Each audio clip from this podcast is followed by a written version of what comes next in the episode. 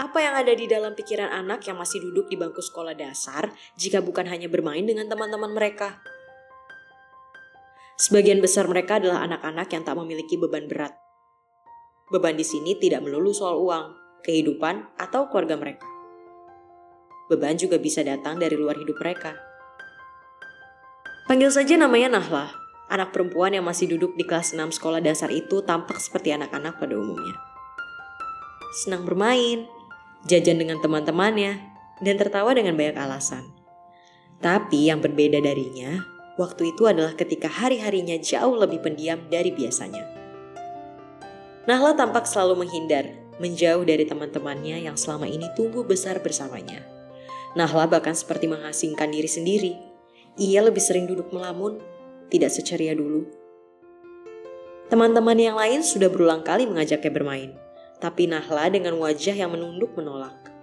Entah karena apa, anak-anak itu tidak bisa menerka apa yang sedang terjadi pada Nahla. Mereka hanya mengupayakan agar Nahla ikut bermain bersama mereka seperti waktu-waktu sebelumnya. Waktu berjalan menyedihkan untuk Nahla, ia kehilangan jati dirinya. Nahla kehilangan rasa yang dulu teguh di dalam hidupnya. Anak itu hanya terus berupaya kuat, Tetap sekolah, walau ia tahu kemungkinan besar ia dihadapkan lagi dengan seseorang yang kala itu membuatnya seperti hari ini biasa terjadi. Dari kejauhan, ia hanya menatap nanar teman-temannya bermain.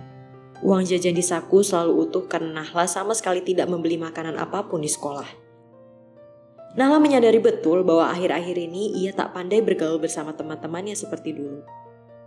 Yang sering dilakukannya hanyalah termenung memikirkan satu hal yang entah sampai kapan bisa ia lupakan. Nahla akhirnya lulus sekolah dasar dan melanjutkan sekolahnya lagi.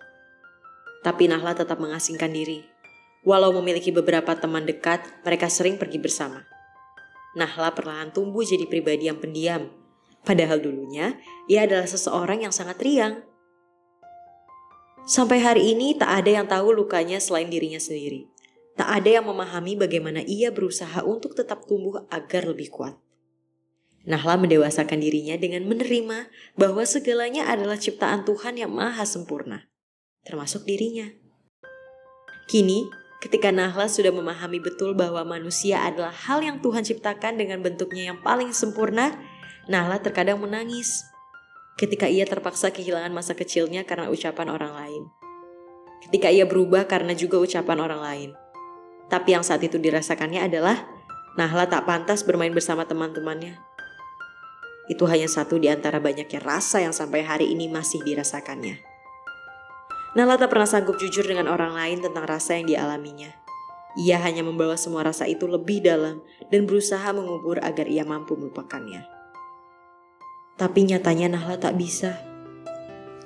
Kamu itu jelek Nahla. Anak seperti kamu mana ada yang mau nemenin. Anak siapa sih kamu jelek banget? Kalimat itu sampai hari ini tak bisa dilupakannya. Kalimat yang mengubah sisi dirinya. Kalimat yang membuat rasa takut tak diterima sampai ia akhirnya tumbuh dewasa dan mengerti manusia adalah ciptaan Tuhan yang paling sempurna. Nahla ingat sekali ketika ia baru masuk sekolah menengah pertama, ia membayar beberapa orang teman-temannya agar mau menemaninya Uang jajannya selalu ia habiskan untuk membayar mereka agar mau tetap bermain bersamanya. Ucapan seseorang saat itu sampai menumbuhkan sisi Nahla yang ini. Takut tidak diterima. Sekarang, Nahla sudah tumbuh jadi seorang yang lebih kuat. Karena kini, ia tahu arti dari tumbuh dan bangkit dari rasa sakit dan takut adalah dengan terus berupaya memperbaiki diri. Ia tak mampu melupakan semuanya, tapi perlahan, semoga ia bisa menerima semua itu sebagai berkat untuk hidupnya.